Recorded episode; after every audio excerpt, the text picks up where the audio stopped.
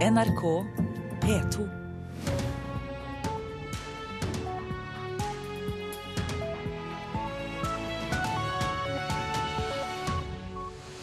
Her fortsetter Øystein Heggen med Nyhetsmorgen og disse sakene.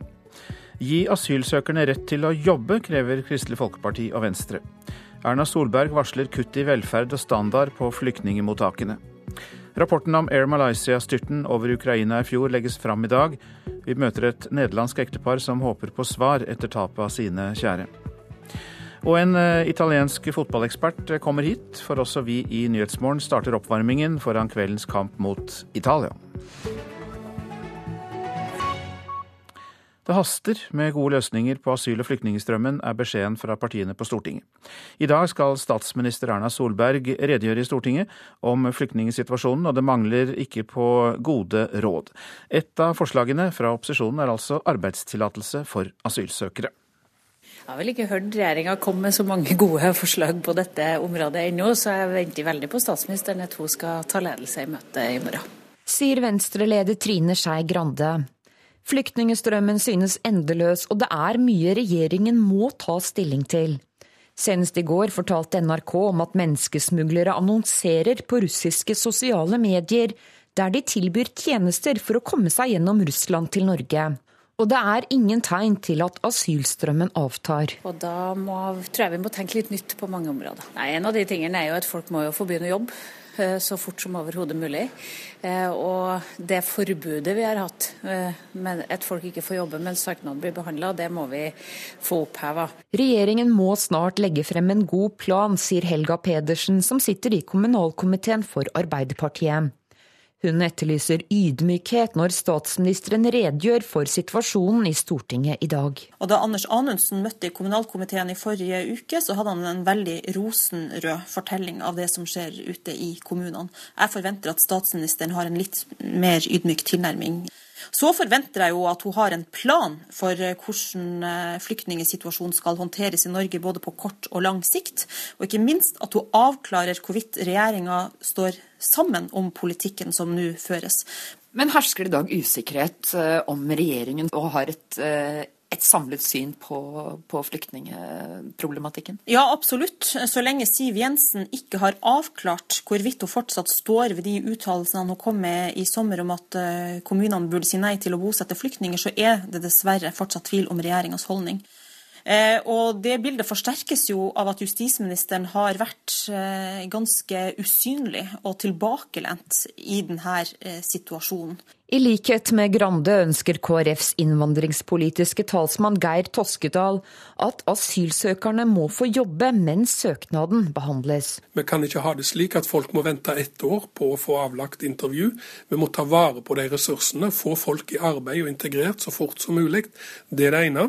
Det andre er situasjonen for enslige mindreårige asylsøkere mellom 15 og 18 år, som i dag blir eh, sittende i store grupper eh, med en lav bemanning. Det mener vi er de to viktigste flaskehalsene som vi må møte. Og reporter her, det var Line Tomter. Og I Dagens Næringsliv varsler statsminister Erna Solberg flere tiltak for å håndtere flyktningstrømmen, bl.a. å senke standarden på norske flyktningemottak. I løpet av i år og neste år vil det ha kommet om lag 60 000 flyktninger til Norge, ifølge UDI. I Stortinget i dag skal statsministeren redegjøre for hvordan myndighetene skal håndtere den situasjonen. Overfor Dagens Næringsliv har hun allerede antydet mye av det hun vil si. Her er de viktigste punktene. Regjeringen vil bruke mer oljepenger. Fra før av planlegger de å bruke 194 milliarder i neste års statsbudsjett. Det er ny rekord. Det vil bli aktuelt å senke standarden på norske flyktningmottak for å kunne ta imot flere. Det vil bli kuttet i velferdsytelser for innvandrere som er på familiegjenforening. Og regjeringen vil kaste ut grunnløse asylsøkere i raskere tempo enn de har gjort hittil. Og det var Vegard Valestrand som orienterte der. Arbeiderpartiet frykter at egenandeler for helsehjelp vil gå rett til værs i 2017. Det er en grunnløs bekymring, svarer Høyre. Regjeringen går inn for en betydelig økning av egenandelene neste år, men skjermer de som har, har store helseutgifter. Det er bra at en del kronikergrupper får eh, litt lavere egenandeler. Det er jo marginalt vi her snakker om. Sier Arbeiderpartiets helsepolitiske talsmann Torgeir Micaelsen. Regjeringen går inn for å øke egenandelene med 8% neste år. Flesteparten fra andre halvår. Men grensen for frikort går ikke opp. Det betyr at de med mange legebesøk slipper økte utgifter, og at flere vil få frikort enn i dag. Men det finansieres jo da gjennom at en mange hundre tusen nordmenn som ikke når opp i taket, men som likevel kan ha til dels betydelige utgifter til helsetjenester, får en kraftig økning. Han advarer også mot konsekvensene dersom satsene blir økt på vanlig vis i 2017, på toppen av 8% så vil det bli en kjempeøkning av egenandelene for en rekke personer i hele Norge. Hvis Arbeiderpartiet er enig med oss at vi skal ha lave egenandeler i Norge, så burde de i dag ha jubla over at vi ikke gjør en prisjustering av egenandelstaket, og dermed i realiteten setter ned taket. Svarer helseminister Bent Høie. 2017-budsjettet vil han komme tilbake til neste år. Men denne regjeringen har vist at vi har vært villige til å prioritere og holde lave egenandeler. Reporter her Katrin Hellesnes, og i Politisk kvarter klokka 7.45 så møtes Høyres helseminister Bent Høie og Torgeir Micaelsen fra Arbeiderpartiet til debatt om nettopp dette. Så skal jeg si litt om det avisen er opptatt av i dag. Vladimir Putin bygger sensurmur på internett, kan vi lese i Aftenposten. Tilhengere av presidenten kjøper opp flere nettsteder i Russland, mens regimekritiske nettsteder blokkeres og hackes. Informasjon filtreres av overvåkningsprogrammer, og utenlandske nettsteder som BBC og Facebook presses til å blokkere informasjon. Danske muslimer er blitt mer religiøse, kan vi lese i Vårt Land. Halvparten ber fem ganger eller mer hver dag, og tre av fire mener Koranen bør følges tett, viser en meningsmåling gjort for Jyllandsposten. En imam sier at hard kritikk mot islam har gjort at unge er blitt mer bevisste på sin tro. Utenlandske arbeidere på norske gardsbruk kan spre den farlige bakterien MRSA, skriver Nasjonen. Overlege Dag Bærild, som er ekspert på antibiotikaresistente bakterier, vil ha obligatorisk testing av gårdsarbeidere.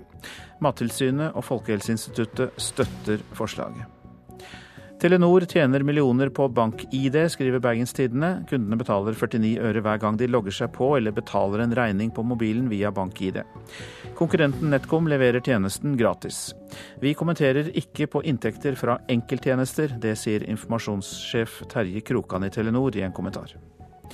Slik jobber nordmenn ubekvemt, er oppslaget i Dagsavisen. Fire av ti jobber på søndager, halvparten av oss jobber på kveldstid, og fire av ti nordmenn jobber over ti timer per dag.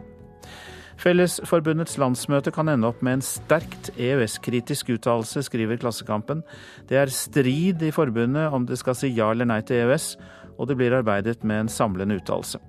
Økt bruk av bemanningsbyråer er en av flere grunner til den sterke skepsisen til EØS i Fellesforbundet. Dagbladet advarer mot følgesykdommer av diabetes. Hjerneslag og hjerteinfarkt, syn og nyre- og nerveskader. Ja, det er noen av følgene dersom man ikke tar diabetes på alvor, skriver avisa. Gi oss et mirakel i kveld, er bønnen fra VG til fotballandslaget. Eksperter avisa, avisa har snakket med tror Norge kan sjokkere mot Italia i EM-kvalifiseringen i Roma. Og vi gir oss ikke med dette her i Nyhetsmorgen. For vi skal snakke om eh, fotball Norge og Italia. Vi eh, møter et lag uten de store verdensstjernene. Det sier toppfotballsjef Nils Johan Sem, som hevder at Italia kun har ett stort eh, internasjonalt fotballnavn igjen på sitt lag. Nå tror han på seier og EM-billett i Roma i kveld. Den italienske utgaven her er kanskje fri for de store navnene, da, med unntak av Buffon i mål. Så er det liksom ikke sånne spillere som vi gnir oss i øya for å møte. Det sier toppfotballsjef Nils Johan Semb, som selv var landslagssjef på en tid der Italia stilte med velkjente verdensstjerner i alle ledd. Kveldens motstander ser derimot helt annerledes ut, mener han. Det er liksom ikke de der store store enerne som du liksom møter på Spania og Tyskland. De har ikke Italia da, med unntak av Buffon. Han er den store stjernen. Baggio, Del Piero, Baresi og Maldini er historie. Men tidligere Italia-proff Steinar Nilsen peker på et annet element de norske gutta bør frykte. Publikum på egen hjemmebane, voldsom support der, backer hele tida eh, de blå ute på banen. Stefan Johansen på sin side mener Norge møter et lag som ikke er langt fra nivået under glansdagene. Jeg setter pris på god fotball. og det, det har det blitt spilt, og det spilles det fortsatt i Italia. Men Semb tror Norges muligheter til å vinne er bedre enn noen gang. Italia er veldig annerledes å spille mot enn Spania og Tyskland. Jeg tror nok det blir veldig sånn tett, og jeg tror det blir ganske sjansefattig begge veier. Det er i hvert fall uh, mye som tyder på det. Reporter i Roma, det var Mats uh, Håby. Med seier i kveld så er Norges landslag klart for EM i Frankrike neste år, og trener Per-Mathias Høgmo tror en seier kan være mulig, og har i hvert fall planene klare. Stor forflytningsevne er definitivt eh, et eh, stikkord. Stor intensitet i løpene foran ballfører. Både inn i bakrom, inn i mellomrom, bekker som kommer, og som alltid balanse. Der var de tekniske tingene klare fra Per-Mathias Høgmo. Velkommen til deg, Andrea Loberto. Tusen takk. Du, eh, Vi har invitert deg som italiensk fotballekspert, selvfølgelig, men du er også da analyseansvarlig for Rosenborgs eh, A-lag, så det er sagt. Eh, hva blir de største utfordringene for Norge i kveld? Jeg tror i kveld de møter et Italia-lag som selvfølgelig er allerede klar for EM men de har lyst til å rett og slett eh, vise seg framfor publikum. Eh, Conte er en veldig sterk vinnermentalitet. Eh, han har sagt tidligere at å tape kamper det er samme som å dø, så han skal være veldig motivert og skal motivere sine spillere. I tillegg de har lyst å gå for en rekord, 50 kamper uten tap i kvalifiseringen sin til både EM og VM på hjemmebane. Ja, Treneren sier at det er som å dø og tape kamper. Si litt mer om ham. Nei, Han er veldig opptatt av å vinne kamper eh, og vinne titler. Eh, han hadde tre Serie A-titler med Juventus mellom 2012 og 2014. Eh, og han er en trener som eh, rett og slett krever veldig mye av sine spillere. Ja, det høres ut som en mur av problemer for Norge i Italia, men hvilke fortrinn har det norske laget tross alt, hvis du skal peke, peke på noen? Um, som de fleste har vært inne på allerede, at Italia er ikke det laget som en gang var. Uh, de har en bra keeper i Buffon. Uh, Forsvarsrekka er fortsatt veldig stabilt. De er litt svakere i midtbane. Eh, I tillegg det kommer litt usikkerhet både på Verratti og Parolo, som starter mot Aserbajdsjan. Pirlo er skadet, så det kan være noen endringer i midtbanen som skal være eh, Italia blir litt svakere. Eh, jeg leste også litt på lokalmedia, lokal media, og det virker som kanskje de også endrer formasjon, som kan være en fordel til eh, Norge. Oh ja, På hvilken måte? Mot Aserbajdsjan de spilte en slags 4-2-4, hvor de rett og slett hadde to spisser og, og, og to kanter som var veldig offensive. De lykkes med det. Men kanskje de skal bytte til en 3-5-2, og det kanskje gjør at det blir ikke så så, så farlig fremover. Eh, men det er i noen tanker, i, og spesielt i forbindelse med at både kanskje at Conte vil prøve noe nytt, og, og selvfølgelig det kommer noe usikre moment på enkeltspillere.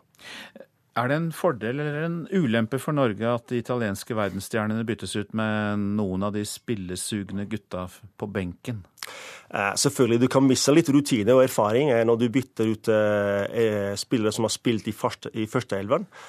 Det som kan faktisk skje, er at de som kommer inn, er veldig motivert til å vise seg fram. Det blir en tropp som tas ut etter hvert for EM i Frankrike, og alle som får spilletid på banen, ønsker å vise seg fram og selvfølgelig spille seg inn i troppen. Så det kan selvfølgelig være en motivasjon i seg sjøl. Og du skal se kampen, regner jeg med? Du skal vel ikke dra ned til Italia og se den der? Nei, jeg skal faktisk reise til Trondheim i dag, eh, så jeg skal se kampen oppe i Trondheim. Eh, heldigvis eh, for meg Italia sikret å redde EM, så jeg håper selvfølgelig Norge går videre, slik jeg både får Norge og Italia i EM neste år. Du kan få en dobbel bonus i kveld. jeg håper det. Ok. Andrea Loberto, hjertelig takk for at du tok turen til oss i Nyhetsmorgen. Klokka den nærmer seg 6.47. Det lytter altså til Nyhetsmorgen. Dette er hovedsaker. Erna Solberg varsler kutt i velferd og standard på flyktningmottakene her i landet. Vi har brukt teltleire før, sier Solberg til Dagens Næringsliv. Frykten for å miste jobben er nå like stor som under finanskrisen i Norge i 2009. Fire av ti ansatte frykter for arbeidsplassen sin, viser en undersøkelse. Mer om det etter klokka sju her i Nyhetsmorgen. Folk stjeler og stjeler fra YouTube, også fra den populære bryllupsvideoen fra Ålesund. Vi skal høre at store verdier går tapt for de som har skapt og lagt ut videoer. Men først om en eh, tragedie som skjedde i fjor. I dag eh, legges den endelige etterforskningsrapporten fram etter Air Malaysia. Flyet ble skutt ned over Øst-Ukraina for et år siden, godt og vel. De pårørende har eh, ikke store forventninger til hva de får vite, og dette er altså en rapport utarbeidet under nederlandsk ledelse. Men Silene Fredriks og Hoss Hogsant og mannen Rob håper i hvert fall på noen svar etter tapet av sine kjære.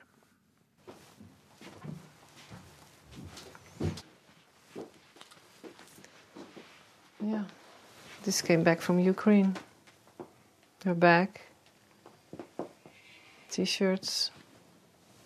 Noen få eiendeler ligger på senga. Rommet står slik hennes 23 år gamle sønn og hans 20 år gamle kjæreste forlot det. Sengen er uoppredd. På bordet ligger tomme flasker, en bh, bøker. Yeah, it's, it's det er mitt minneste, sier Silene Fredriks Hogsan, det var slik de var, rotete. 17. juli i fjor. Malaysia Airline, flight nummer MH17, blir skutt ned over Øst-Ukraina, der kampene mellom prorussiske opprørere og den ukrainske hæren pågår for fullt. 298 mennesker dør, blant dem Daisy og Brys. Music. Igjen sitter moren og faren til brys. Musikken og latteren er borte, og de har mange ubesvarte spørsmål. Hvem gjorde det, hvordan kunne det skje, og hvorfor fløy de der, over en krigssone? I dag håper de å få noen svar i den endelige etterforskningsrapporten som legges frem i Nederland, der de fleste omkomne var fra. Ukraina og vestlige land har fra første stund anklaget prorussiske opprørere for å stå bak, og flere mener det var en russisk rakett som ble brukt for å skyte ned flyet. Pårørende håper rapporten vil peke på de ansvarlige, men tror det ikke.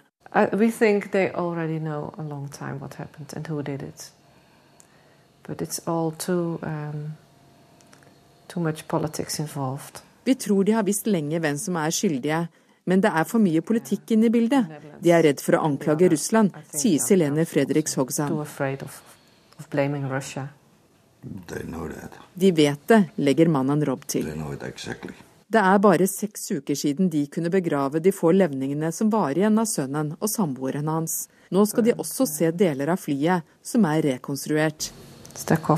For deres kjære ble det en kiste. Og Rapporten legges fram klokka 13 i dag. Og dette innslaget var laget av europakorrespondent Åse-Marit Befring i Nederland.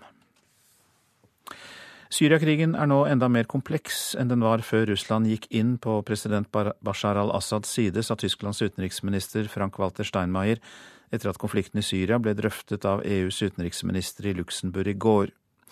EU kritiserer Russlands innblanding i kampene i Syria, samtidig som Russland tvinger EU til å vurdere sitt forhold til Syrias makthaver på nytt.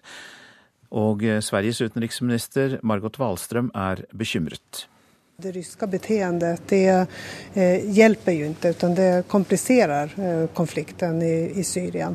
Og eh, det virker jo som om hoveddelen av målen ikke er ISIL, utan eh, faktisk rikter seg mot opposisjonen. Så at det her kjennes, eh, det kjennes mye uroende. Mange av dere har nok sett den. Bryllupsvideoen fra Ålesund der bruden synger seg opp kirkegulvet. Videoen er blitt en viral hit, som det gjerne heter når den er sett av millioner på nettstedet YouTube. Og den kan også bli lønnsom for Pettersen Medieproduksjon, som har laget filmen. Men selskapet opplever også et kaos av aktører som prøver å stjele åndsverket.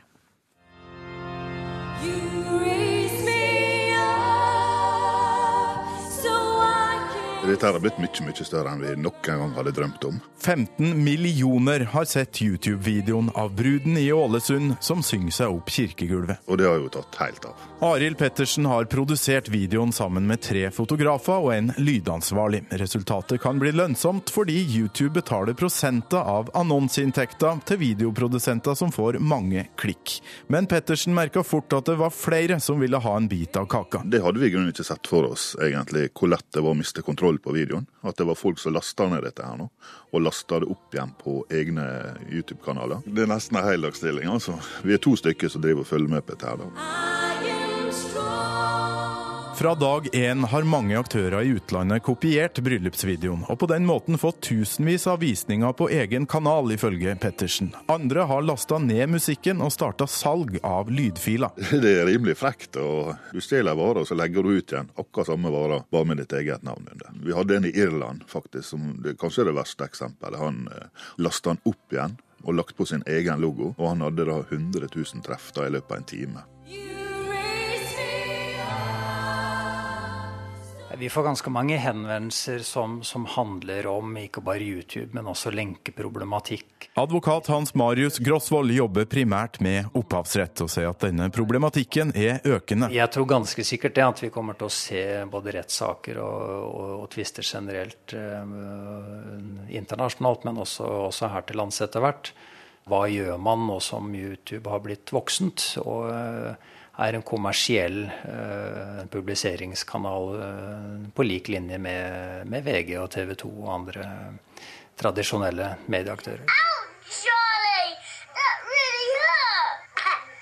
Søte og rørende videoer som går verden over kan bli millionbutikk, men det å beholde kontrollen er så arbeidsomt at det kan lønne seg å selge videoen og la andre gjøre jobben. Viralvideoen av presten som søng halleluja, eies f.eks. av britiske Viral Spiral. Det finnes altså byråer som kjemper om rettighetene til enkeltsuksesser som den i Ålesund. Vi også ble kontakta tidligere av et selskap i Canada som ville lisensiere videoen. da. Men de skjønte ikke helt hva det gikk i og var redd for å bli lurt. Så da ville nok de tatt over kontrollen kanskje og passa på det.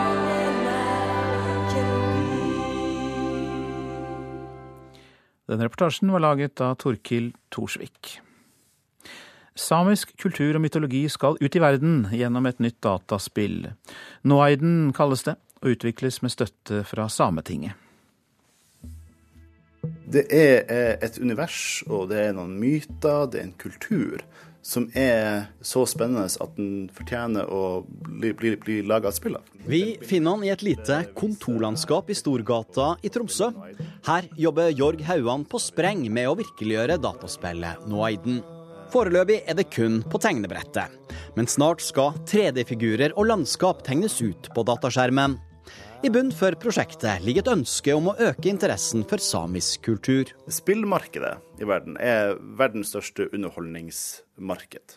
Dette markedet her vet kanskje ikke så veldig mye om samisk mytologi. Eh, så ved å lage et spill eh, som er attraktivt for det internasjonale spillmarkedet, og som respekterer kulturen, så eh, mener jo jeg at da da lager, et, da lager man et, produkt som fremmer den samiske biologien og, og kulturen. Som, sånn du kan, kan se så det litt voldelig. I... Han starta som spillutvikler i USA, hvor han lagde voldelige dataspill. Nå vil han i stedet skape dataspill av den mer oppbyggelige sorten. Gjøre at den tida som, som, som du, du, du, bruker på, på, på spillet, ikke bare er veldig artig, men at det gir noe tilbake til, til det. At du lærer noe? Lære noe, eller at det, det, det, det, er med på kanskje å skape en bedre forståelse av verden som vi, som vi lever i. I Kautokeino i Finnmark sitter sametingspresident Aili Keskitalo og følger nøye med på utviklinga av Noaiden. Hun og resten av Sametinget har nemlig støtta prosjektet med penger. Eh, vi vet jo at dataspill er et eh, kjempestort verdensmarked for det. Eh, og hvis, hvis man har kompetansen eh, på plass, så er jeg sikker på at man kan, man kan utvikle det også med et samisk uttrykk. Men tror du noen vil la seg støte av at man eh, lager et dataspill basert på gammel samisk mytologi? Det kan man jo ikke utelukke. Den samiske mytologien kan jo oppfattes av mange som, som tabu. Og kanskje noen ikke ønsker at det skal bli utnytta kommersielt. Samtidig så føler jeg meg trygg på at når eh, folk med samisk bakgrunn sjøl står bak det, så kan det gjøres på en skikkelig måte. Vi ønsker ikke å støte noen. Vi tar noen friheter, men det er veldig viktig for oss at vi, at vi respekterer de historiene og de mytene som, som vi er inspirert av. Jorg Hauan i dataspillselskapet The Arctic til reporter Rune Norgård Andreassen. Værvarselet. Fjell i Sør-Norge først. Det blir noe skyet og lokal tåke først på dagen, men ellers oppholdsvær, og det kan bli lange perioder med sol i fjellet også.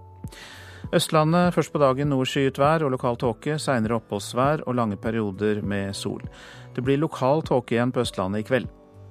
Telemark og Agder først på dagen skyet og lokal tåke. I kyststrøkene kan hende spredt regn. Utover dagen stort sett oppholdsvær og perioder med sol i Telemark og Agder. Og vi går til Rogaland, der det stort sett blir pent vær. Hordaland får enkelte regnbyger nord i fylket, ellers opphold og perioder med sol. Sogn og Fjordane sørvestlig liten kuling ved Stad. I kveld skiftende bris. Enkelte regnbyger, stort sett oppholdsvær og perioder med sol i indre strøk. Møre og Romsdal sørvest liten kuling på kysten. I kveld frisk bris. Det blir spredte regnbyger i ytre strøk, men ellers opphold og perioder med sol også i Møre og Romsdal. Trøndelag sørvest liten og periodevis stiv kuling på kysten. I ettermiddag minkende til frisk bris. Det blir regnbyger i ytre og nordlige strøk av Trøndelag, men ellers stort sett oppholdsvær og perioder med sol. Nordland på kysten periodevis sørvestlig liten kuling. I morgentimene kortvarig stiv kuling. Det blir regn i Nordland. Fra ettermiddag sørvestlig frisk bris på kysten og regnbyger. Troms på kysten periodevis sørvest liten kuling. Det blir regn, seinere enkelte regnbyger. Finnmark på kysten i vest periodevis vestlig liten kuling. Det blir perioder med regn, men på vidda stort sett delvis skyet oppholdsvær. Og så går vi ut til Nordensjøland på Spitsbergen, der det blir spredt snø i dag. Temperaturer målt klokka fem i natt. Svalbard lufthavn minus én, Kirkenes pluss fire, Vardø sju. Alta og Tromsø begge åtte grader, Bodø og Brønnøysund begge ni. Trondheim-Værnes fem, Molde seks, Bergen-Flesland sju. Stavanger 8, Kristiansand-Kjevik 6. Gardermoen 4, Lillehammer 5, Røros 3 og Oslo-Blindern. Der var det 6 grader klokka 5.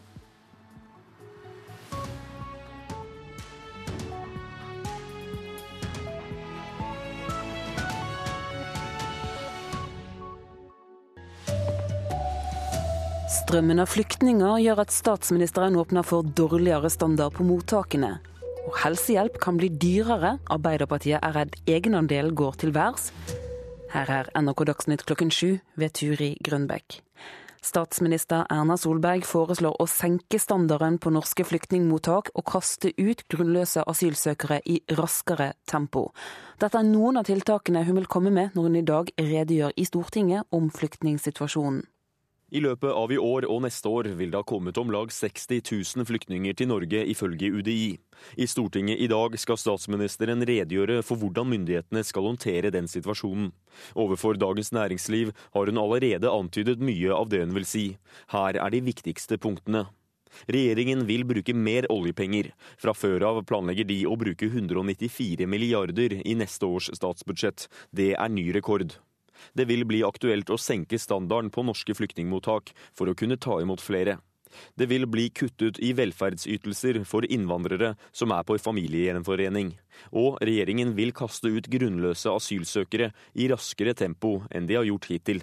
Det sa reporter Vegard Valestrand. Arbeiderpartiet frykter at egenandeler for helsehjelp vil gå rett til værs i 2017. Regjeringen går inn for en betydelig økning av egenandeler neste år, men de skjermer de som har store helseutgifter. Det er bra at en del kronikergrupper får eh, litt lavere egenandeler. Det er jo marginalt vi her snakker om. Sier Arbeiderpartiets helsepolitiske talsmann Torgeir Micaelsen. Regjeringen går inn for å øke egenandelene med 8% neste år. Flesteparten fra andre halvår. Men grensen for frikort går ikke opp. Det betyr at de med mange legebesøk slipper økte utgifter, og at flere vil få frikort enn i dag. Men det finansieres jo da gjennom at en mange hundre tusen nordmenn som ikke når opp i taket, men som likevel kan ha til dels betydelige utgifter til helsetjenester, får en eh, kraftig økning. Hvis Arbeiderpartiet er enig med oss at vi skal ha lave egenandeler i Norge, så burde de i dag ha jubla over at vi ikke gjør en prisjustering av egenandelstaket, og dermed i realiteten setter ned taket. Det sa til slutt helseminister Bent Høie. Reporter var Katrin Hellesnes. Og det blir debatt om dette i Politisk kvarter i NRK P2 klokken 7.45. Playboy kutter nå ut bilder av nakne kvinner. Det skriver New York Times. En av årsakene til at nakenbildene forsvinner, skal være at det da vil være lettere å spre innholdet i bladet via sosiale medier, det skriver avisen. Mange nettsteder har strenge regler mot nakenhet. Playboy har også slitt med farlige oppslagstall de siste årene, men de skal fortsatt ha lettkledde kvinner i bladet. Og det var siste nytt fra NRK Dagsnytt. Og Nyhetsmorgen fortsetter med disse sakene. Antall barn og unge som bruker antidepressiva og sovemidler har doblet seg på ti år. Flere frykter at de skal miste jobben. Vi spør den nyansatte Nav-sjefen Sigrun Vågeng til råds. Kapasiteten på norske asylmottak er sprengt pga. flyktningstrømmen til landet. Og vil gi alle barnehager like godt tilbud, sier regjeringen. Narrespill og bløff, sier de som driver private barnehager om det nye finansieringssystemet. Ja, det er altså slik at Antall barn og unge som bruker antidepressiva sovemidler har doblet seg på ti år. Vi overdiagnostiserer og overmedisinerer barna, sier lege Gisle Roksund. Mental Helse Ungdom sier fastleger møter ungdommer med medisiner istedenfor samtaler. Veldig mange av medlemmene våre i Mental Helse Ungdom opplever at de går til fastlegen sin og med et problem, og så er svaret på det problemet er medisiner, og ikke noe annet. Adrian Lorentzon er leder av Mental Helse Ungdom. Han er selv en del av en dyster statistikk. Unge mennesker som har prøvd å ta sitt eget liv. Han er skeptisk til at antall barn og unge som bruker antidepressiva og sovemidler har doblet seg på ti år. Det finnes ikke noe forskningsmessig hold i at eh, sånn type medisiner faktisk fungerer på personer under 18 år. I 2004 brukte over 8700 barn antidepressiva og sovemedisiner. I 2014 fikk over 17 500 barn dette utskrevet fra fastleger og psykiater. Det å løse det kjemisk med medisiner er jeg veldig skeptisk til. Sier Gisle Roksund, fastlege og spesialist i allmennmedisin. Barn som ikke sover, som er deprimert. Det er andre årsaker man må lete etter, sier Roksund. Spenninger i hjemmet, stressnivå, vanskeligheter, skilsmisser, alkohol, rusmisbruk, all verdens greier hjemme påvirker barnet og barnets evne til å roe seg ned og få sove. Dere leger, dere må oppdra allmennlegene. Et helt annet sted enn Roksunds legekontor. Vi jobber mye med det i foreningen nå. Rådet for psykisk helse har konferanse i Oslo.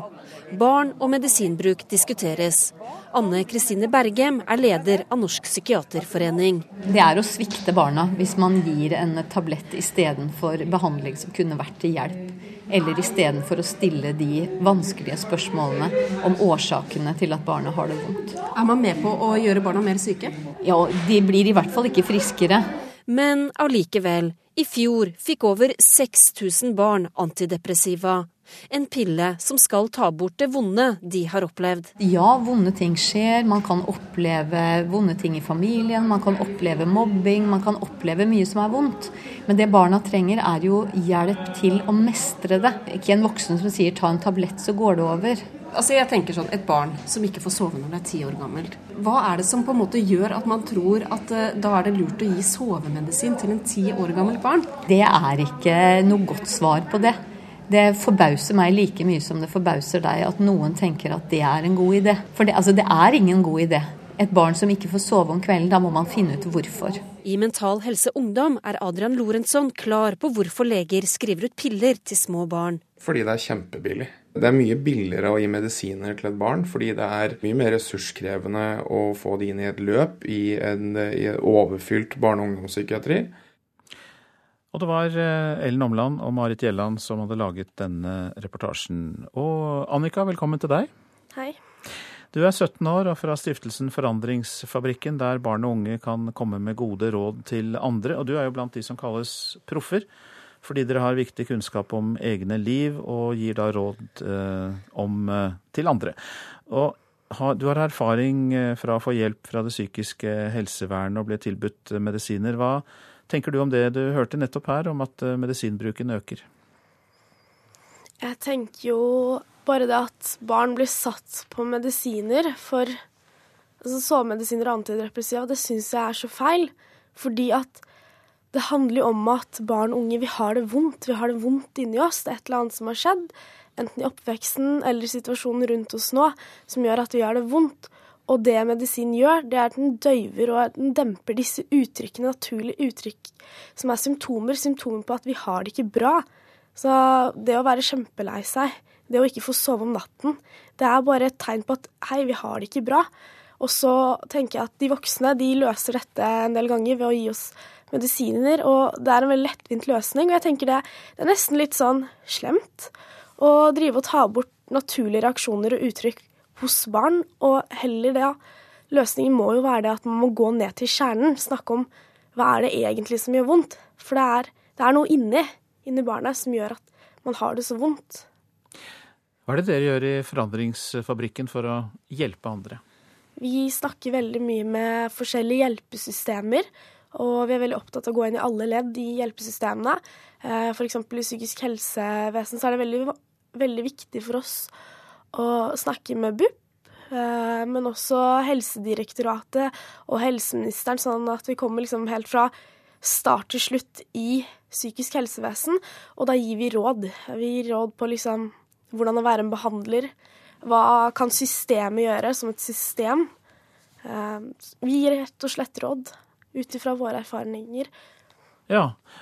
Hvilke folk innenfor disse etatene, eller maktmenneskene kan vi vel si de er, er det du har truffet og, og gitt råd? Hva har du sagt til dem? Jeg har vært ganske heldig og fått møtt en del. Men hvis du mener sånn helt i toppen av systemet, eh, så i psykisk helsevesen så har jeg jo møtt eh, Bent Høie. Um, Hva sa helseministeren til deg etter han hadde hørt på deg? Mm, han har lært veldig mye av Psykisk helseproffene. For han eh, var der når vi lanserte Psykisk helseproffene. Og vi merker at han kan svarene veldig godt. Og jeg var med han når han hadde en dag i psykisk helsevesen. Når vi skulle på sånn reise gjennom systemet. Og man, han var veldig opptatt av å få høre stemmene til oss som hadde vært i systemet, og løfte den. Ta en tablett, så går det over, ble det sagt i det innslaget her. Eh, og du kommenterte jo nettopp dette med at det er en billig og lettvint eh, løsning. Eh, hvordan syns du og dere proffer da, i Forandringsfabrikken at man bør behandle barna? Man, man må møte barnet med respekt og kjærlighet. Og man må tørre å spørre og snakke om de vonde tingene. Og for å gjøre det så må man også kunne være litt personlig. Eh, og det handler om at man ikke må gi opp, man må komme ned til kjernen. Hva er det som gjør at du har det så vondt? Ikke spørre om liksom, hva, var du, hva var det som gjorde at du knuste til klasserommet? Hva er det som gjør at du egentlig innerst inne har det så vondt? For jeg ser det. Mm. Ja, Du sa det var veldig viktig for de som uh, treffer og behandler unge mennesker, at de er personlige. Altså at de også gir av seg selv, da? Ja, for hvis de ikke gir av seg selv, så kan ikke vi gi av oss selv. Ehm, vi må ha en slags relasjon. Og det går ut på at du kan fortelle litt om deg selv. 'Hei, jeg heter Per, jeg har to barn', f.eks. Og mm. da kan jeg begynne å fortelle om meg. Mm. For det er ingen selvfølge at vi skal sitte og brette ut om våre liv. Og I hvert fall ikke til en person vi nesten ikke kjenner. Og du skal fortsette å være proff og snakke med de som eh, behandler og hjelper barn, for å gi dem råd? Ja. Det regner jeg med. Takk skal du ha, Annika. Det var eh, veldig hyggelig å få besøk av deg, og at du hadde sjanse til å komme til uh, Nyhetsmorgen i dag. Nå om eh, frykten for å miste jobben, som nå er like stor som under finanskrisen i Norge i 2009. Fire av ti ansatte frykter for arbeidsplassen sin, viser en undersøkelse. I Forsvarets avdeling på Kjeller venter de på omstilling. 57 år gamle Egil Rødfoss frykter at arbeidsgavene hans kan komme til å forsvinne. Begynner å dra i en sånn alder nå at det er ikke bare bare å skaffe seg ny jobb andre steder. Jeg jobba i Forsvaret siden jeg er 79, så dette har jo vært livet mitt, det Forsvaret. Og ønsker jo selvfølgelig å være med der fram til eventuelt pensjonsalder i 62. En stor organisasjon er bygget opp rundt verkstedhallene der Forsvarets kampfly repareres på Kjeller utenfor Oslo. Egil Rødfoss, som jobber som helse-, miljø- og sikkerhetsrådgiver, lurer på hvordan fremtiden blir nå. For organisasjonen skal endres, og forsvarssjefen har akkurat foreslått å nedlegge basen. Ja, Det er jo den avdelingen med anskaffelse av de nye kampflya, bl.a. Og så blir det da overført per 31.12 til Flo Forsyning. Og hva det medfører, det kan ikke jeg si i dag, hvor han blir plassert da og sånt, da. Omstillinger og nedbemanninger gjør at mange er redde for jobben sin. Fire av ti frykter for jobbene sine, av de 3000 ansatte som er spurt i alle deler av arbeidslivet. Jeg syns eh, det er et altfor høyt tall. Hvorfor det? Jo, Det bør være unødvendig at fire av ti går rundt og er bekymret for om jeg har jobb, hvis jeg ser litt frem i tid. Det sier YS-leder Jorunn Bærland. Ja, Nå er det fire av ti arbeidstakere som er bekymret. Eller sagt på en annen måte, vi er tilbake til det nivået vi var i finanskrisen i 2009. Undersøkelsen gjøres av Arbeidsforskningsinstituttet på oppdrag for Yrkesorganisasjonenes sentralforbund, og er en årlig temperaturmåler på tilstanden i arbeidslivet. Andelen bekymrede arbeidstakere er høyest i oljeindustriens sentrum Rogaland, der halvparten er utrygge for jobben. Deretter følger de to nordligste fylkene, Troms og Finnmark, før Sogn og Fjordane og trøndelagsfylkene. Det viser at det er mange som eh, har en klump i magen, som er usikre på om dem er den neste som blir permittert eller oppsagt. Det er en situasjon som jeg og regjeringa tar på det dypeste alvor. Men arbeidsminister Robert Eriksson sier regjeringens tiltak mot arbeidsledighet i statsbudsjettet vil hjelpe. Ja, Regjeringa har levert eh, en massiv tiltakspakke nå i forbindelse med statsbudsjettet, som vil bidra til arbeid, aktivitet og omstilling, noe som det norske samfunnet er helt avhengig av hvis vi skal lykkes for å trygge vanlige folk sine arbeidsplasser både nå og fremover. Og arbeidsministeren er åpen for å vurdere flere tiltak. Skulle det vise at situasjonen krever flere tiltak, så er regjeringa beredt til å komme med flere tiltak. Reporter var Hedvig Bjørgum. Sigrun Vågeng, velkommen. Takk skal du ha. Du er ny sjef i Nav. Og ja, hva er ditt budskap til eh, de som går rundt og er usikre på jobben sin? At det er tøft å gå rundt og kjenne på den usikkerheten, men at det finnes muligheter. Og så har jeg også en melding til arbeidsgiverne. Nå finnes det mange, mange flotte medarbeidere. Mulighet for å skaffe seg den kompetansen man ellers kanskje ikke ville fått tak i. Så nå gjelder det å bruke muligheten. Og for å hjelpe arbeidstakerne å finne de rette, hvordan gjør vi oss mer ettertraktet? Først og fremst, eh, hvis vi er i en usikkerhetssituasjon, går igjennom og ser har vi fullført utdanningen vår. Er det noe mer vi trenger å bygge på? Eh, har vi en god CV? Har vi sett på den de siste årene? Um, har vi kontakter vi kan bruke? De aller, aller fleste klarer jo å skaffe seg jobb på egen hånd. Og da gjelder det også å bruke de, de man kjenner. Være åpen om at man er på jakt etter jobb. For det er ikke så lett å forvandle seg selv på en dag? Nei, man kan ikke det. Og det er heller ikke det man skal gå inn i en ny jobb med. Man skal være seg selv. Men man skal sørge for at det man kan gjøre, det har man gjort. Mm. La oss se på helheten. Eh, hvordan vurderer du dagens situasjon i arbeidsmarkedet? Den er jo ganske todelt. I motsetning til da vi hadde finanskrisen, så var det jo svart eh, hele landet. Nå er det stripen Agder til Trøndelag som er spesielt utsatt. Og det er jo eh, også oljebransjen og alle leverandørene i tilknytning til det som er eh, spesielt eh, rammet. Og så er bildet, som jeg sier, ikke helt svart. Eh, veldig mange steder i landet er det muligheter, også for ingeniører. Eh, og ledigheten synker. Og det, det syns jeg er den gode delen av det vi holder på med nå, i denne omstillingen. Og det er der vi i Nav skal være inne og hjelpe til med det vi kan. Hvis man ikke vil flytte på seg? Det er jo et mobilitetskrav. Det er jo sånn at uh, mister vi jobben, så har vi rettigheter, men vi har også plikter. Og en av de pliktene er jo at vi eh, skal ta det arbeidet vi blir tilbudt. Og hvor godt rustet er dere i Nav til å ta denne flommen av nye arbeidsløse som eh, kommer og kan komme? Jeg, vi, jeg vil si vi er godt rustet. Vi har f.eks. i Rogaland nå fått eh, flyttet over 20 nye stillinger, slik at vi kan ta imot alle de som kontakter oss. Eh, vi eh, kan møte menneskene gjennom nav.no. For veldig mange så handler det jo bare om å få registrert seg som arbeidssøker og få hjelp til CV-en sin, og så er man i gang igjen. Mm. Du ble ansatt som Nav-sjef eh, nylig, og da fortalte du pressen om din egen arbeidsledighet. Hvordan var det en periode å kjenne på den følelsen? Kjenner eh, meg veldig igjen i undersøkelsen på denne usikkerheten. At du mister litt selvtilliten. For du tror at du er godt i gang med noen ting, og så skal du ut på noe nytt. Eh, men jeg har jo tatt det med meg inn i Nav, eh, og vet at det finnes muligheter. Og den erfaringen er det, den lyse delen av dette. Det fins muligheter hvis man, hvis man, passer på å ha sin egen CV i orden, ha sin egen utdanning i orden, og er åpen for nye muligheter. Det er godt å vite da, for de arbeidsledige at uh, Nav-sjefen ikke sitter på sin pidestall og aldri har vært uten, uten arbeid.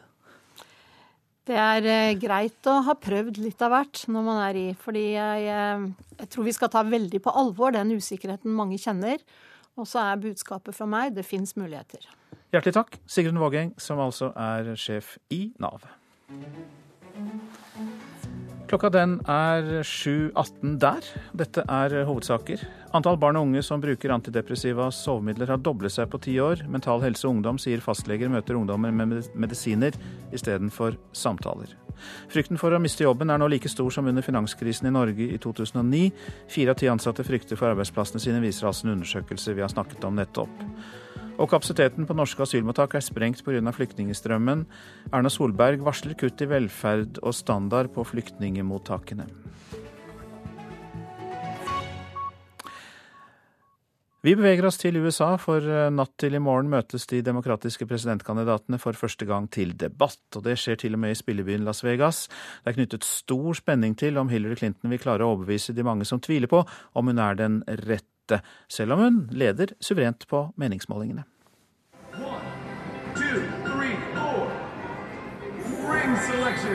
Nei, det er ikke nedtellingen før debatten dere hører. Her i Las Vegas er de aller fleste mye mer opptatt av skjetonger, kort og enarmede banditter, selv om debatten i kveld, lokaltid, skal foregå bare et steinkast fra kasinoet her på Hotell Mirage. Men også der, direktesendt på CNN til hele landet, vil det handle om å vinne. Uh,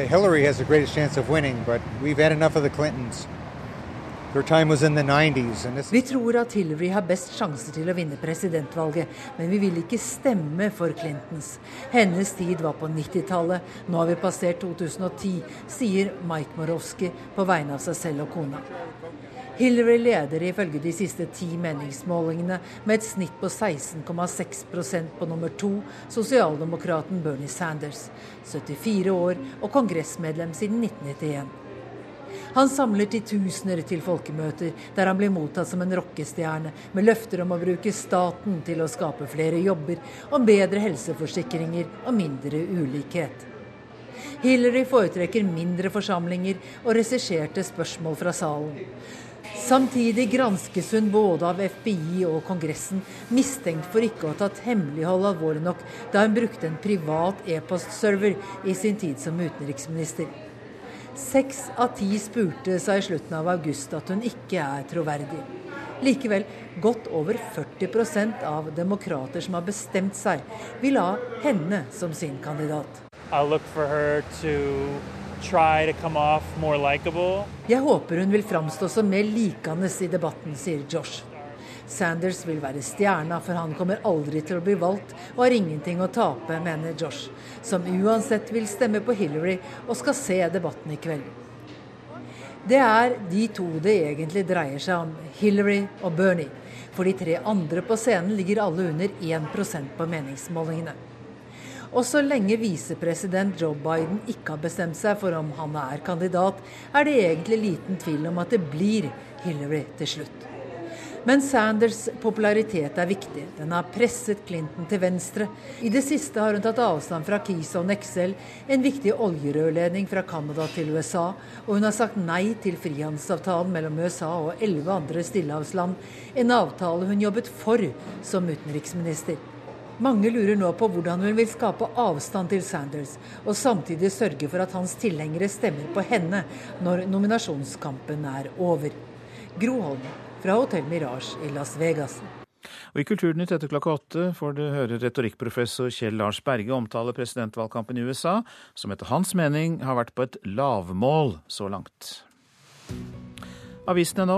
Vladimir Putin bygger sensurmur på internett, kan vi lese i Aftenposten. Tilhengere av presidenten kjøper opp flere nettsteder i Russland, mens regimekritiske nettsteder blokkeres og hackes. Danske muslimer er blitt mer religiøse, kan vi lese i Vårt Land. Halvparten ber fem ganger eller mer hver dag. Og, tre av fire mener Koranen bør følges tett, viser en meningsmåling. En imam sier at hard retorikk mot islam har gjort at unge er blitt mer overbevist på sin tro. Utenlandske arbeidere på norske gardsbruk kan spre den farlige bakterien MRSA, skriver Nasjonen. Overlege Dag Berild, som er ekspert på antibiotikaresistente bakterier, vil ha obligatorisk testing av gårdsarbeidere. Telenor tjener millioner på bank-ID, skriver Bergens Tidende. Kundene, kundene, betaler 49 øre hver gang de logger seg på eller betaler en regning på mobilen via bank-ID. Konkurrenten NetCom leverer tjenesten gratis. Vi kommenterer ikke på inntekter fra enkelttjenester, sier informasjonssjef Terje Krokan i Telenor.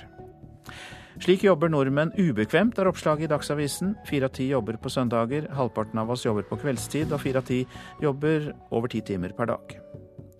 Fellesforbundets landsmøte kan ende opp med en sterk EØS-kritisk uttalelse, skriver Klassekampen. Det er strid om forbundet skal gå fra ja til nei til EØS, og det blir arbeidet med en samlende uttalelse. Dagbladet advarer mot følgesykdommer av diabetes, hjerneslag og hjerteinfarkt. Syns-, nyre- og nerveskader er noen av følgene dersom man ikke tar diabetes på alvor, skriver avisa. Gi oss et mirakel i kveld, er bønnen fra VG til fotballandslaget. Eksperter avisa har snakket med tror Norge kan sjokkere mot Italia i EM-kvalifiseringen i Roma. Regjeringen bløffer når den sier den vil løfte kvaliteten på barnehagene. Det mener Private barnehagers landsforbund, som reagerer på den nye måten å finansiere barnehagene på. I Grenland i Telemark mener de man nå kan se langt etter en bemanningsnorm. Matlagingen er i full gang i sandkassa i Harmonien barnehage i Skien. Knut Bråten eier denne og ti andre barnehager. Han reagerer på den nye måten staten skal finansiere dem på. Eh, det her er jo ikke noe løft for kvaliteten i barnehagene. Det er, legger ikke til rette for en bemanningsnorm, som stort sett de fleste partier har sagt de vil ha innen 2020. Det kan vi se langt etter med dette, dette tilskuddsregimet som nå blir vedtatt. Også i Private barnehagers landsforbund er de misfornøyd. Dette er jo et narrespill, eh, der man går ut og prøver å gi inntrykk av at det er noe annet enn det. Det er et system der man bruker samme pengene flere ganger for å få det til å se fint ut. Administrerende direktør Arild Olsen mener regjeringen kutter fremfor å satse på barnehagene. Det kommer til å bli mer administrasjon for kommunene, det kommer til å bli mer administrasjon for barnehagene. Og det er, det er ikke tvil om det at dette også kommer til å bli, bety at de som antagelig tjener mest på det her, er revisjonsfirma og advokatfirma. Altså dette skaper mer byråkrati, mener du? Å ja. Det er ikke tvil om at det skaper mer byråkrati. Statssekretær i Kunnskapsdepartementet Birgitte Jordal fra Høyre forstår ikke kritikken. Eh, det viktigste for oss er at alle barn, uavhengig av om de får en plass i en kommunal eller i en privat barnehage, skal få et like godt tilbud. Jeg mener at eh, kommunen som barnehagemyndighet må rå over ressursene og sørge for at de får like god bemanning, får like mange pedagoger og pedagogtetthet, uavhengig om det er en kommunal eller en privat barnehage.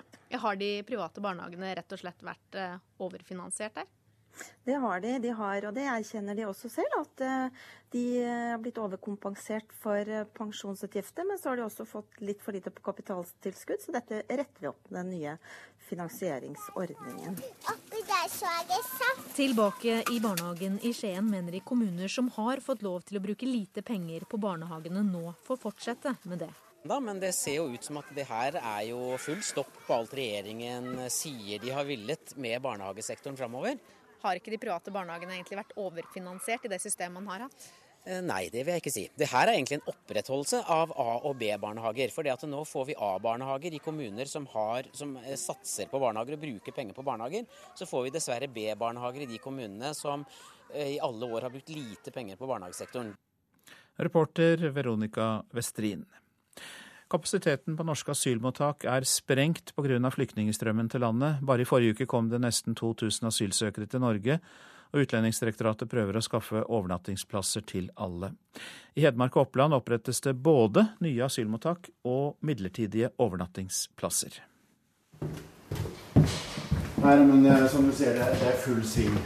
Her har det begynt å sparkle, men her har du da et, eh, et beboerrom Spann på spann med måling, verktøy og materiell okkuperer det som i løpet av to uker skal bli den nye heimen til 54 asylsøkere mellom 15 og 18 år. Asylmottaket på Lundeskogen i Vestre Slidre skal gjenåpnes, og denne gangen er det mottakslærer Jan Åge Bakke og Hero som skal drive mottaket, som var et statlig drifta asylmottak før det ble lagt ned ved årsskiftet.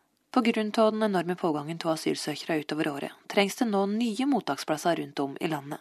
Og samtidig som de jobba på spreng for å bli klare til øvninger på Lundeskogen, jobbes det også for å klargjøre mottak i Nordre Land og på Hamar.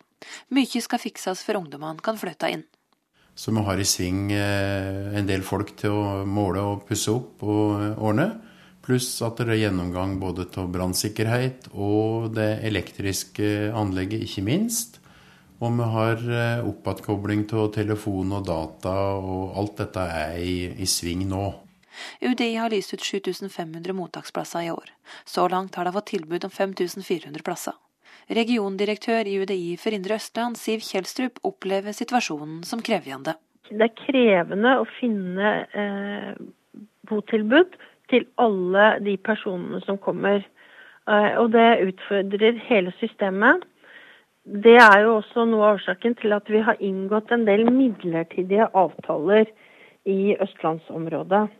På Lundeskogen vet dei ikke hvem som kommer, enn hvor de kommer fra, men mottakslæreren er klar på hva dei ønsker å tilby ungdommene som kommer. Men jobben vår blir å gi deg eh, en trygg base, så jeg ser på meg sjøl som uh, som, som, sjef og som pappa og som omsorgsarbeider på alle mulige måter. For det, når de kommer hit, så skal vi skape trygghet. Og denne reportasjen var laget av Sigrid Havig Berge. Du lytter til Nyhetsmorgen, produsent i dag Eli Bjelland, her i studio Øystein Heggen. Grønland er blitt et attraktivt turistmål, dit de fleste drar for å oppleve naturen, men også flere og flere pga. klimaendringer. Mer i reportasjen etter Dagsnytt. Egenandeler på helsetjenester skal opp med hele 8 neste år. Det blir debatt av slikt i Politisk kvarter, der Høyres helseminister Bent Høie møter Torgeir Micaelsen, helsepolitisk talsmann i Arbeiderpartiet.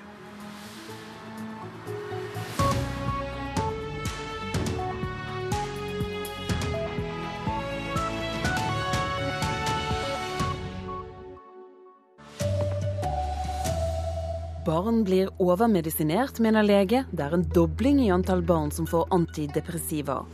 Flyktningstrømmen er vanskelig å takle. Statsministeren åpner for velferdskutt. Og folk er redde for å miste jobben, er like utrygge nå som under finanskrisen. Her er NRK Dagsnytt klokken 7.30 med Turi Grønbekk. Antall barn og unge som bruker antidepressiva og sovemidler, har doblet seg på ti år. Mental Helse Ungdom sier fastleger møter ungdom med problemer med medisiner i stedet for samtaler. Veldig mange av medlemmene våre i Mental Helse Ungdom opplever at de går til fastlegen sin og med et problem, og så er svaret på det problemet medisiner, og ikke noe annet. Adrian Lorentzon er leder av Mental Helse Ungdom. Han er selv en del av en dyster statistikk. Unge mennesker som har prøvd å ta sitt eget liv. Han er skeptisk til at antall barn og unge som bruker antidepressiva og sovemidler har doblet seg på ti år. Det finnes ikke noe forskningsmessig hold i at eh, sånn type medisiner faktisk fungerer på personer under 18 år. I 2004 brukte over 8700 barn antidepressiva og sovemedisiner.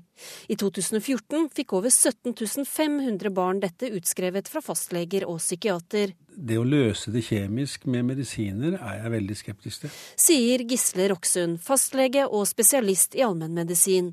Barn som ikke sover, som er deprimert. Det er andre årsaker man må lete etter, sier Roksund. Spenninger i hjemmet, stressnivå, vanskeligheter, skilsmisser, alkohol, rusmisbruk. Det er å svikte barna hvis man gir en tablett istedenfor behandling som kunne vært til hjelp. Sier Anne Kristine Bergem, leder av Norsk psykiaterforening. Er man med på å gjøre barna mer syke?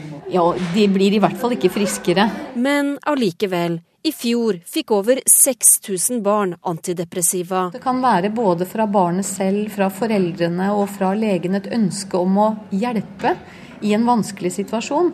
Og da er jo det å skrive ut medisiner det er jo en, en handling og sånn sett et symbol på at man gjør noe. Reportere her var Erlend Omland og Marit Gjelland. Nær 500 enslige mindreårige asylsøkere venter nå på å bli bosatt i en norsk kommune, og tallet har aldri vært høyere. I dag skal statsminister Erna Solberg redegjøre om asyl- og flyktningsituasjonen i Stortinget, og det haster med gode løsninger, mener opposisjonen. Jeg har vel ikke hørt regjeringa komme med så mange gode forslag på dette området ennå, så jeg venter veldig på statsministeren at hun skal ta ledelse i møtet i morgen. Sier Venstre-leder Trine Skei Grande.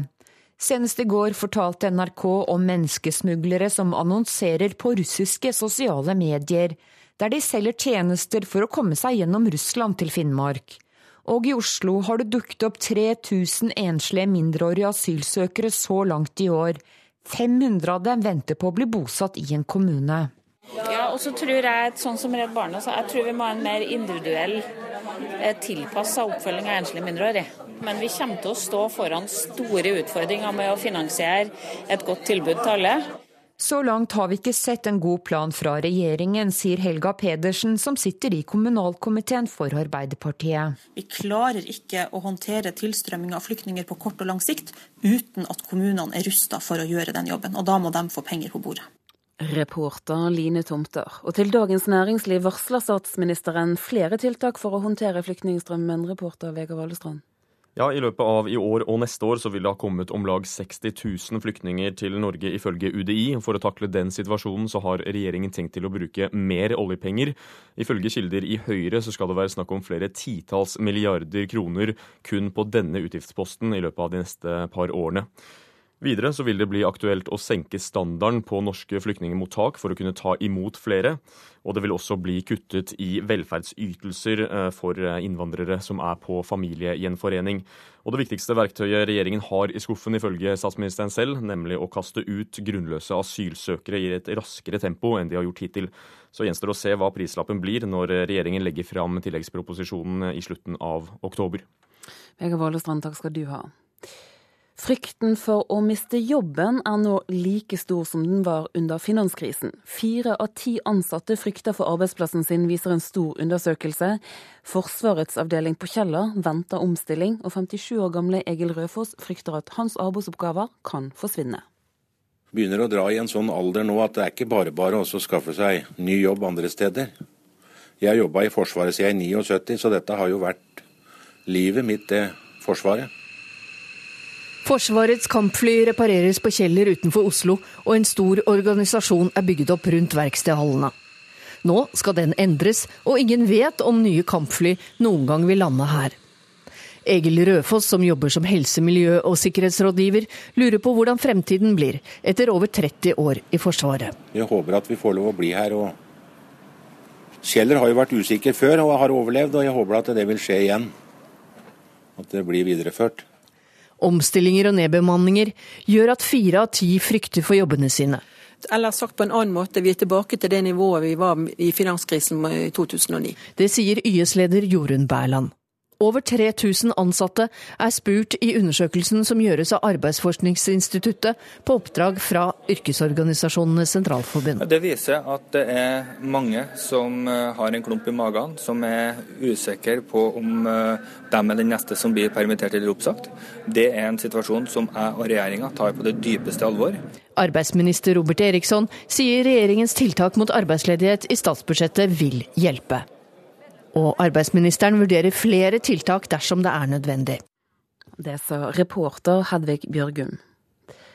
I dag kommer den endelige etterforskningsrapporten etter flyet som ble skutt ned over Øst-Ukraina for litt over ett år siden. Pårørende har ikke store forventninger til hva de får vite i rapporten. Den er utarbeidet under nederlandsk ledelse. Men Silen Fredriks Hoksand og mannen Rob håper i hvert fall på noen svar. This came back from Ukraine. Bag, T-shirts. Noen få eiendeler ligger på senga. Rommet står slik hennes 23 år gamle sønn og hans 20 år gamle kjæreste forlot det. Sengen er uoppredd. På bordet ligger tomme flasker, en bh, bøker. Were, det var slik de var, rotete. 17. juli i fjor. Malaysia Airline, flight nummer MH17, blir skutt ned over Øst-Ukraina, der kampene mellom prorussiske opprørere og den ukrainske hæren pågår for fullt. 298 mennesker dør, blant dem Daisy og Brys.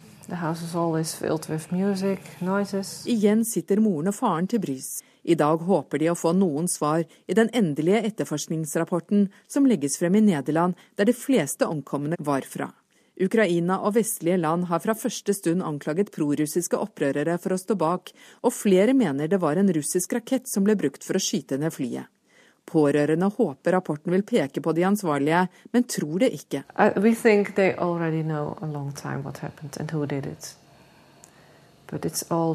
um. Vi tror de har visst lenge hvem som er skyldige, men det er for mye politikk inne i bildet. De er redd for å anklage Russland, sier Selene Fredriks Hogzan. Og rapporten den blir lagt frem klokken 13 i dag. Reporter det var vår europakorrespondent Åse Marit Befring i Nederland. Når det norske fotballandslaget møter Italia i kveld, møter de et lag uten de store verdensstjernene. Det mener toppfotballsjef Nils Johan Sem. Han hevder Italia kun har ett stort fotballnavn på laget sitt, og han tror på seier i Roma i kveld, og dermed norsk EM-billett. Den italienske utgaven her er kanskje fri for de store navnene, da, med unntak av Buffon i mål. Så er det liksom ikke sånne spillere som vi gnir oss i øya for å møte. Det sier toppfotballsjef Nils Johan Semb, som selv var landslagssjef på en tid der Italia stilte med velkjente verdensstjerner i alle ledd. Kveldens motstander ser derimot helt annerledes ut, mener han. Det er liksom ikke de der store store enerne som du liksom møter på Spania og Tyskland. De har ikke Italia da, med unntak av Buffon. Han er den store stjernen. Baggio, Del Piero, Baresi og Maldini er historie. Men tidligere Italia-proff Steinar Nilsen peker på et annet element de norske gutta bør frykte.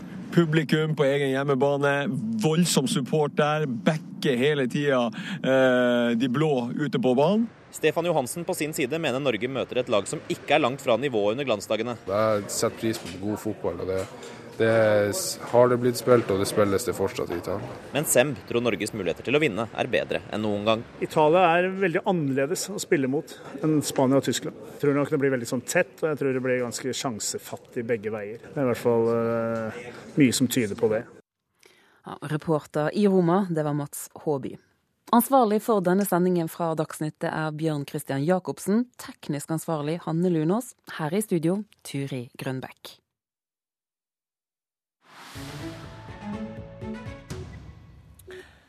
Nyhetsmorgen tar deg med til Grønland, som er blitt et attraktivt turistmål. De fleste kommer for å oppleve naturen, men flere turister kommer også pga. klimaendringene. Inger Marit Kostabråten rapporterer fra Grønland. Follow me. Go where I go, please. Okay? Slowly, slowly.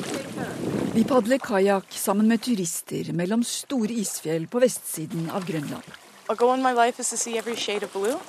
Et av mine mål er å se alle nyanser av blåfarger, sier amerikanske Natalie Schraufnagel. Hun har kommet til Grønland med ektemannen Nicolas for å se de vakre fargene i isen. Isfjellene kommer rett fra den mektige innlandsisen noen kilometer lenger inn. Den smelter raskere enn forskerne tidligere har trodd.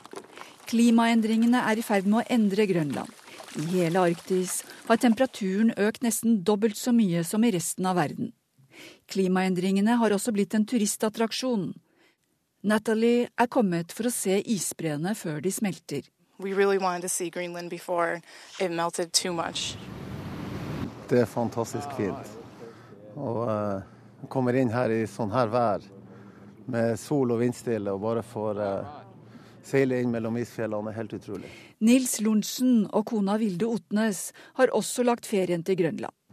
Fantastisk. Jeg bor selv i, på Svalbard, så det er det naturlig å dra til Grønland på sommerferie. De er passasjerer på Hurtigruta, som har området som et av sine faste reisemål. Over 50 000 turister kommer hvert år til Grønland. Den mektige isfjorden ved Ilulissat er en av de største turistattraksjonene. Og vi kjører gummibåt mellom isfjellene sammen med noen av passasjerene på Hurtigruta. Nå så vi en hval. oi, oi, oi. Nils og Vilde er kommet pga. den vakre naturen, slik de fleste turistene gjør. Jeg har bestandig hatt lyst til å reise hit. Jeg bor jo på Svalbard sjøl, så det her er jo det er jo nesten det samme, bare at det her er så utrolig mye større. Og utrolig mye større isfjell og is, og det er så pent at det, man har nesten ikke ord. Men for amerikanske Susan Carlsen er også klimaendringene viktig. I recently was in Glacier National Park, which is in the United States. The glaciers are almost gone. So yes, we're very much aware of it. Hun forteller at hun nylig var i en nasjonal brepark i USA, og at isbreene har smeltet veldig mye. Derfor har hun kommet til Grønland for å se breene her før de smelter.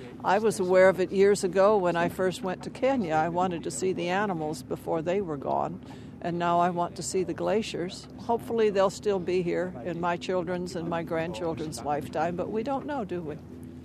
Flere turister og også forskere kommer altså til Grønland for å se breene før de smelter. Men det er vanskelig å markedsføre øya som en klimaattraksjon, sier Nils Villads Pedersen, som jobber med turisme der. Man forbinder jo stadig Grønland med, med isbjørne og, og isbjerge. Hvis man så begynner å vil lave en helt ny fortelling, at det her det er ved å smelte, så blir det jo en, en fortelling om det motsatte. Og det blir ikke en fortelling om, om det spennende vitenskapelige i det, men tvert imot en fortelling om jordens, ja i verste fall, undergang. Men også turister ser at det er et paradoks at stadig flere turister kommer for å se isbreene før de smelter. You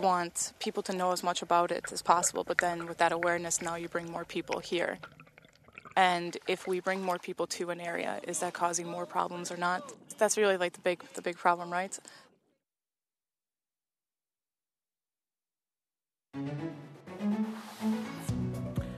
Dette er hovedsaker i Nyhetsmorgen. Antall barn og unge som bruker antidepressiva og sovemidler har doblet seg på ti år. Mental Helse Ungdom mener at fastleger møter ungdom med medisiner istedenfor samtaler. Frykten for å miste jobben er nå like stor som under finanskrisen i Norge i 2009. Fire av ti ansatte frykter for arbeidsplassen sin, viser undersøkelse. Kapasiteten på norske asylmottak er sprengt pga. flyktningstrømmen til landet. Erna Solberg varsler kutt i velferd og standard på flyktningmottakene. Og I dag kommer den endelige etterforskningsrapporten om flyet fra Malaysia Airlines som ble skutt nedover Øst-Ukraina for litt over et år siden. Rapporten er utarbeidet under nederlandsk ledelse. Det er Politisk kvarter om få sekunder. Programleder Håvard Grønli.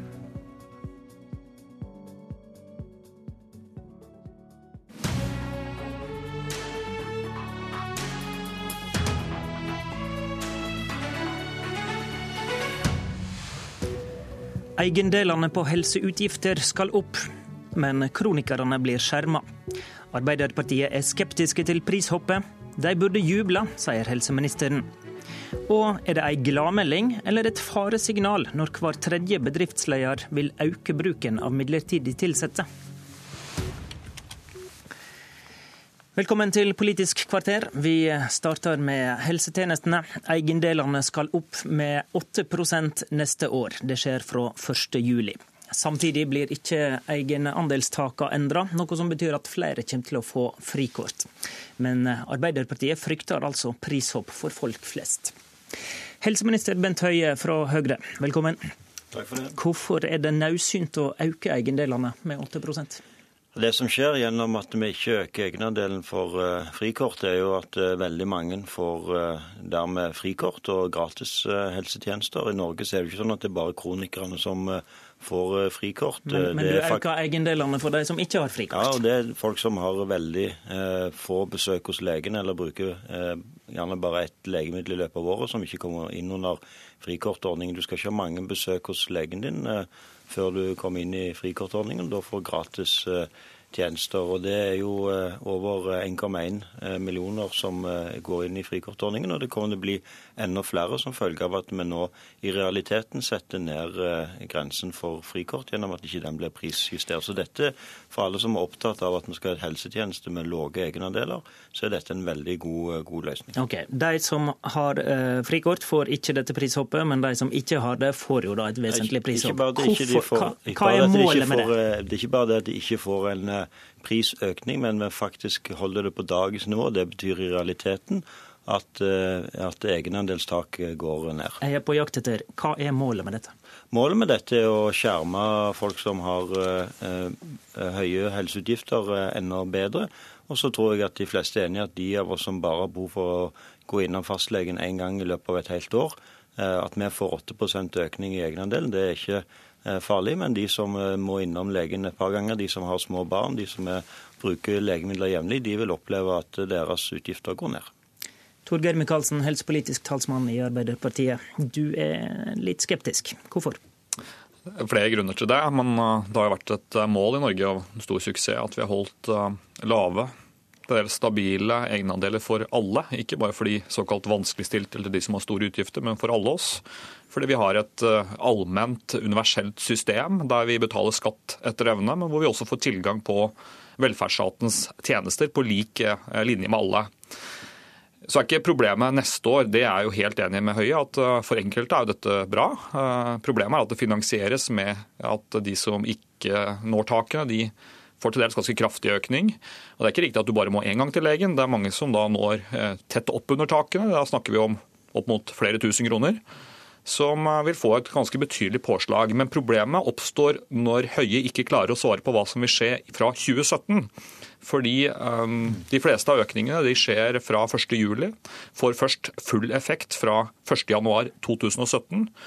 Eh, og Da vil han ikke svare på om det fortsatt skal være slik at eh, tak 1 og tak 2, altså de frikortgrensene, skal videreføres på dagens nivå. Og Hvis man ikke gjør det, så vi, går vi inn i 2017 med en kraftig økning i egenandelene, som vil være svaret på det Høie antydet i opposisjon, at vi skal ha mer bruk av egenandeler, og de skal være mer graderte. Nå har vi strengt tatt ikke spurt han om det ennå, men vi kan jo gjøre det, da. ja, og Det er ingen grunn til at vi skal gjøre noen dramatisk økning i egenandelstaket i 2017, selv om det er noe som Torgeir Micaelsen vet veldig godt at det er noe som regjeringen presenterer i statsbudsjettet for 2017. Men vi har jo i vår regjeringsplattform at vi skal ha lave egenandeler, og vi har vist òg i praksis at vi prioriterer det. Ikke minst eh, i 2016-budsjettet, der en vil oppleve så, at Så dette er ugrunna frykt for framtida? Dette er bare for Arbeiderpartiet å prøve å spille på frykt. Eh, dette har ingen eh, forankring i virkelighetens verden. Det er like meningsløst påstand som man skulle sagt at fordi regjeringen nå foreslår å redusere skattenivået for folk flest, så vil en i 2017 oppleve at det blir en skatteøkning. Vi prioriterer eh, å holde lave egenandeler i helsetjenesten, og det vil vi òg gjøre videre. Altså, jeg er veldig opptatt av å ikke male fanden på veggen. og For 2016 er dette ikke et stort uh, problem. Men skjer, denne diskusjonen Høie, den skjer ikke i et vakuum. Det skjer i en kontekst der du for bare to år siden, som den fremste opposisjonslederen og da framtidig helseministeren fra Høyre, ga opptil flere intervjuer i starten av valgkampen for 2013 hvor du ikke bare lekte med tanken om å øke egenandelen og gradere de mer, du sa det rett ut. Så modererte du deg riktignok i valgkampen, mot slutten av valgkampen, fordi du skjønte at dette var en dårlig sak. Men det er i dette lyset eh, denne diskusjonen må tas. Og I tillegg har også regjeringen gjort enkelte andre endringer som gjør at f.eks. hvis du er kroniker, da, går til poliklinikken på sykehuset kanskje flere ganger i måneden og er så uheldig å miste en av timene at du glemmer den bort, f.eks., så er jo denne si, godbiten da, fra Høie spist opp i flere år framover. fordi avgiftene har økt ganske kraftig på å ikke møte opp til time. Så men, dette er, jeg, jeg skjønner at dette er en ubehagelig sak i den forstand at det for 2016 ikke er et stort problem, og det erkjenner jeg fullt ut. Men når du ikke, Høie, i denne konteksten kan svare på hva som vil skje fra 2017, så har Pasienten er et problem, og du er et problem. Dette er absolutt ikke en ubehagelig sak. Jeg er veldig glad for at vi har denne diskusjonen. For det gjør at jeg får fortalt eh, enda en gang til det norske folk at eh, denne regjeringen prioriterer å ha lave egenandeler. og Derfor så kom vi i 2016 men, men, til å foreslå et opplegg at egenandelstakene Men Michaelsens poeng er jo at de lave egenandelene bør være universelle. Ja, og det er jo nettopp derfor vi har Og du øker dem med 8% for de fleste? Nei, det gjør vi ikke fordi det er sånn i Norge at eh, de fleste som eh, bruker helsetjenesten, de kommer veldig raskt opp til egenandelstaket fordi vi har så lågt eh, egenandelstak. Og når vi prioriterer å holde egenandelstak én nede, så er ikke det bare noe som skjermer kronikere eller de med store helseutgifter. Dette skjermer folk flest som har noen legebesøk i året, som bruker noen legemidler. Og for så er det sånn at 50 av de som eh, når egenandelstak 1, er pensjonister. Eh, som nå vil oppleve at eh, egenandelene går ned som følge av dette statsbudsjettet. Så jeg er veldig glad for denne mm. diskusjonen, for det får fram at Høyre- og Fremskrittspartiregjeringen prioriterer å ha lave egenandeler. Så det er helt riktig at jeg hadde en diskusjon om dette i 2013, men det handler om om at vi måtte ha en diskusjon og ha dette opp i en prioriteringssammenheng. Prioriteringsutvalget har diskutert dette. De foreslår ikke å gjøre endringer når det gjelder egenandelsopplegget på takordningene. Det er òg eh, noe som eh, vi heller derfor ikke mm. foreslår. Mm. Michaelsen, kan ikke det være i samsvar med din ideologiske ståstad at de som er ganske friske, på sett og vis sponser de sykeste? da? Nei, det er ikke det. Fordi jeg mener at eh, lommeboka ikke bør være Og økonomi er ikke en god prioriteringsveileder i helsetjenesten. Det er alvorlighetsgrad, hvor syk du er, hvor raskt du trenger hjelp ja, mange andre mye bedre faglige parametere, som jeg også er glad for. Og er på en måte en langt vei en historisk seier også for de som mener at lave og stabile egenandeler er bra. Hvor prioriteringsutvalget som Høie sier, har konkludert med at i all hovedsak er ikke det en diskusjon. Så har Høie et problem, fordi han har lekt veldig til dels kraftig med denne tanken før. Og At han nå løper bort fra det, det er jo for så vidt bra. Men det uroer meg fortsatt at han ikke kan svare på hva som skjer fra 2017. Eh, han kan jo kanskje svare på det nå. Men Hvis eh, Torgeir Micaelsen er fornøyd med det som skjer i 2016, og vi viderefører eh, og, og ikke har noen økning av egenandelstaket i 2017, så mener du at du det vil jo du si at dette er en veldig god modell. Da er det helt annet, ja, men, det kan, det, du, men det kan du ikke du svare på, for du vet at det koster veldig nei. mye penger å gjøre det på den måten. Jeg har vist at vi er villige til å prioritere det i dette budsjettet, og da skal du ikke se bort fra at vi prioriterer det i neste budsjett. Det skal vel være noen budsjettkonferanser framfor statsbudsjettet 2017, tenker jeg. Vi får komme tilbake da, da. Takk til dere to.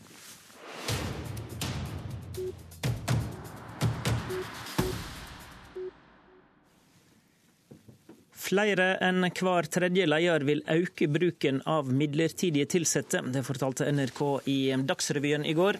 Dette kommer fram i arbeidslivsbarometeret fra Yrkesorganisasjonens sentralforbund, YS, som du også har hørt om nå i dag tidlig.